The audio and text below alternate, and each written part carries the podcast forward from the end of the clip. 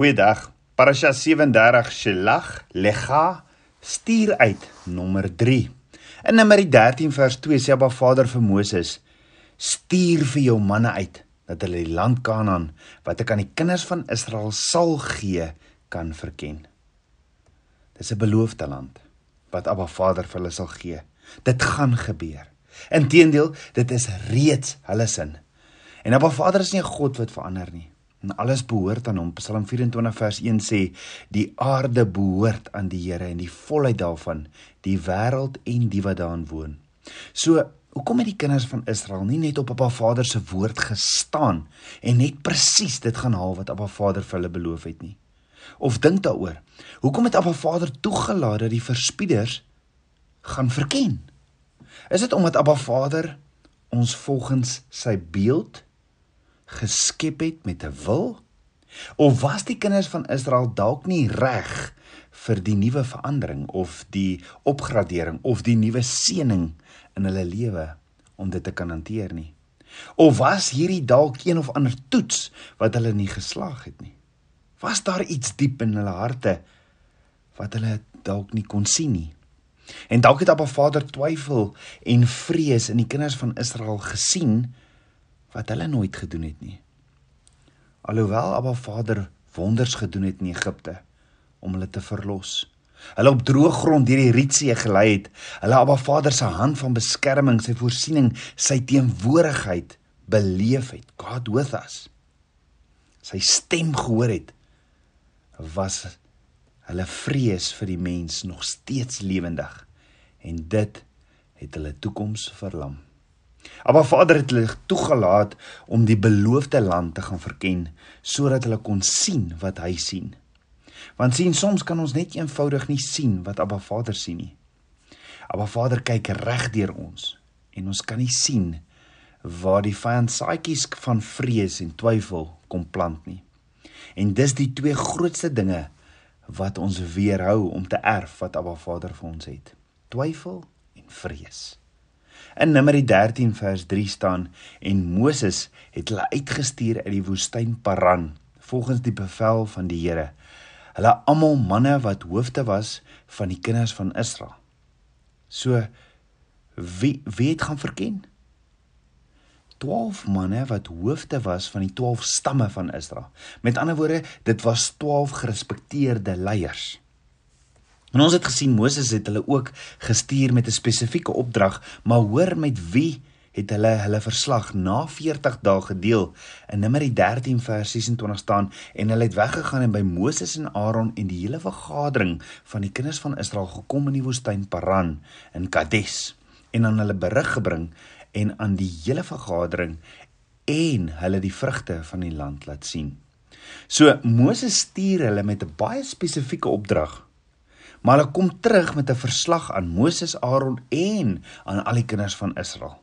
Ja, hulle het besluit om al die kinders van Israel daarbey te betrek in plaas daarvan om direk terug te gaan na die opperbevelhebber, Moses, wat hulle gestuur het.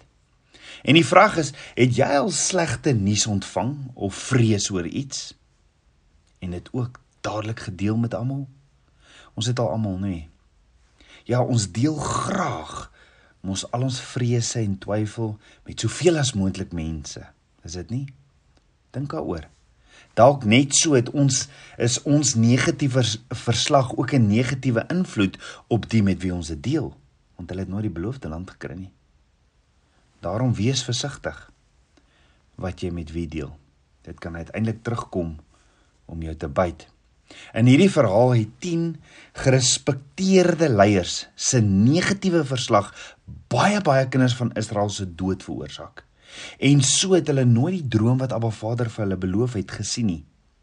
Die punt is, hulle het gekies om Abba Vader nie te glo nie, maar om vrees en twyfel deur die hele vergadering, deur die al die kinders van Israel te versprei. Nou vrees is 'n kragtige, kragtige instrument in die hande van die vyand. Dit verlam jou en dit weerhou jou daarvan om jou volle erfenis of belofte van Abba Vader te ontvang. Vrees is nie van Abba Vader nie en is een van die grootste instrumente in die vyand se hande. Ja, vrees is 'n gees en 'n gees van vrees kom om jou te intimideer en te manipuleer. Selfs sielkundiges sê dat tot 77% van die dinge wat mense vrees, hulle nooit sal tref nie. Daarom kinders van Abba Vader behoort nie 'n gees van vrees te hê nie. Want Spreuke 28 vers 1 sê die goddelose vlug sonder dat daar 'n vervolg is, maar die regverdiges voel veilig soos 'n jong leeu. So vrees is 'n gees en daarom het dit krag. En 2 Timoteus 1:7 sê want God het ons nie 'n gees van vreesagtigheid gegee nie, maar van krag en liefde en selfbeheersing. So ons sien as jy iets vrees, versprei daardie vrees altyd ook na ander toe.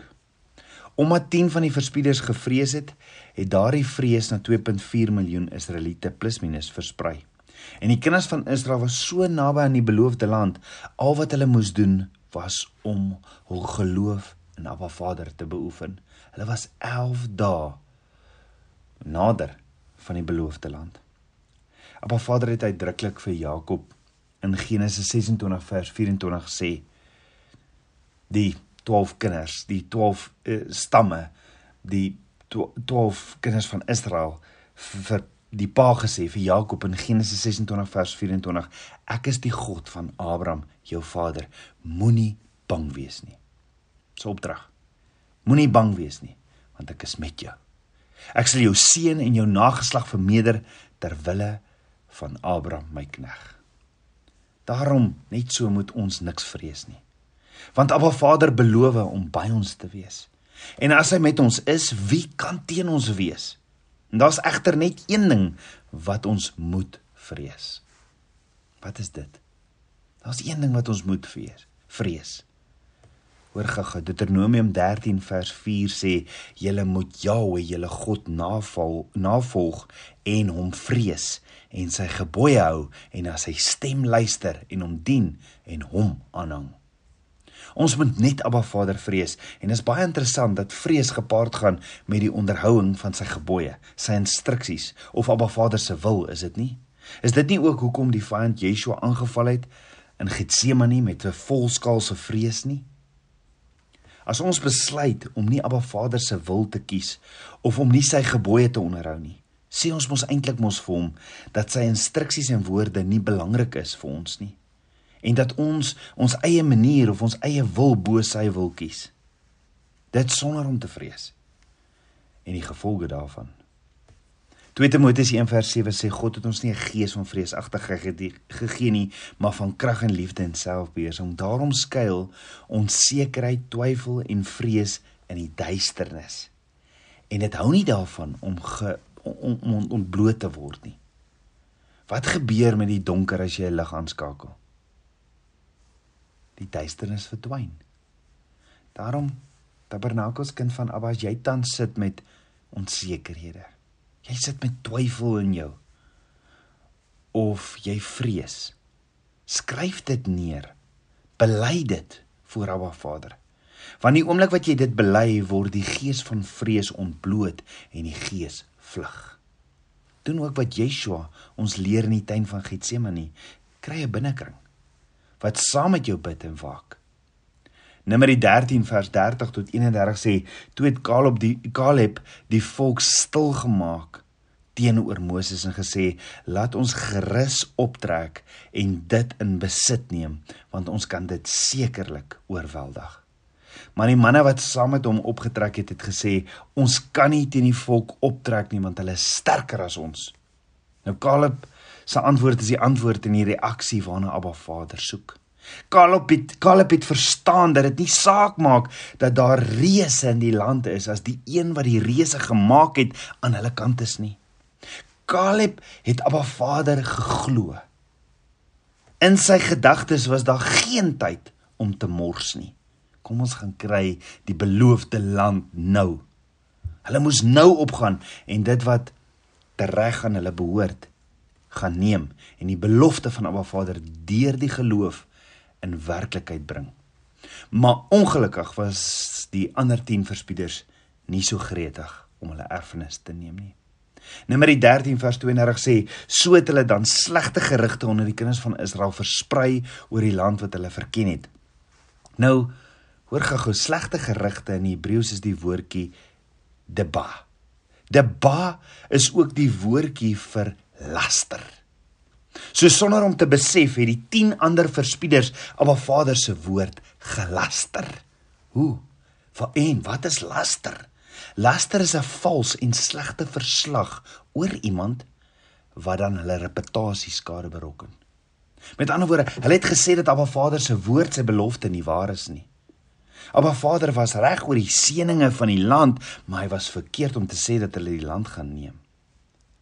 Hulle woorde was lasterlik teenoor Abba Vader.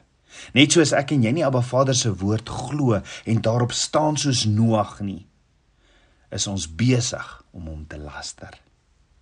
Wat interessant is is daar's nog 'n rede wat Abba Vader my leer waarom Abba Vader verspieders die beloofde land laat ingaan het. Abba Vader wou gehad het dat die kinders van Israel die reëse moet sien. Hoekom? Hy wou hê dat hulle ten volle moes verstaan en weet dat hulle nie die beloofde land kan ingaan alleen nie.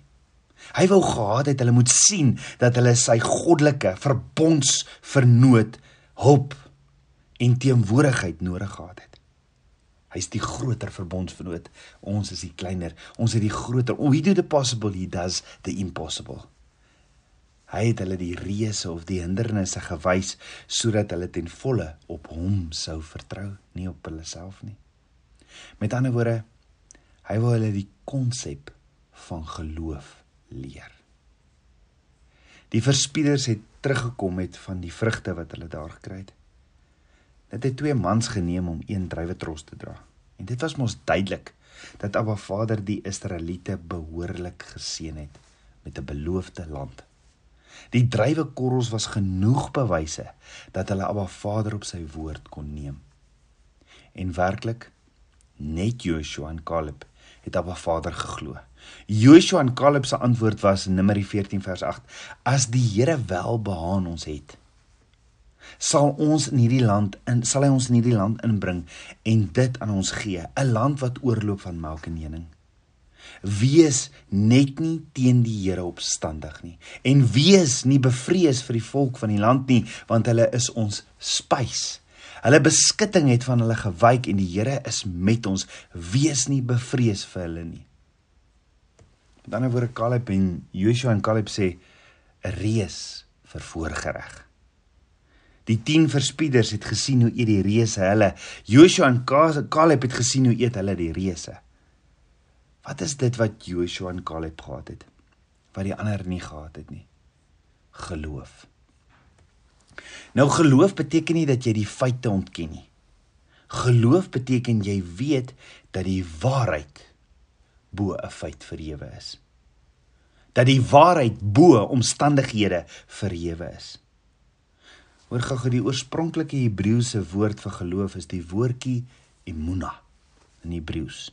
Nou imuna beteken geloof ingeweef met goeie werke wat die vrug is ons geloof.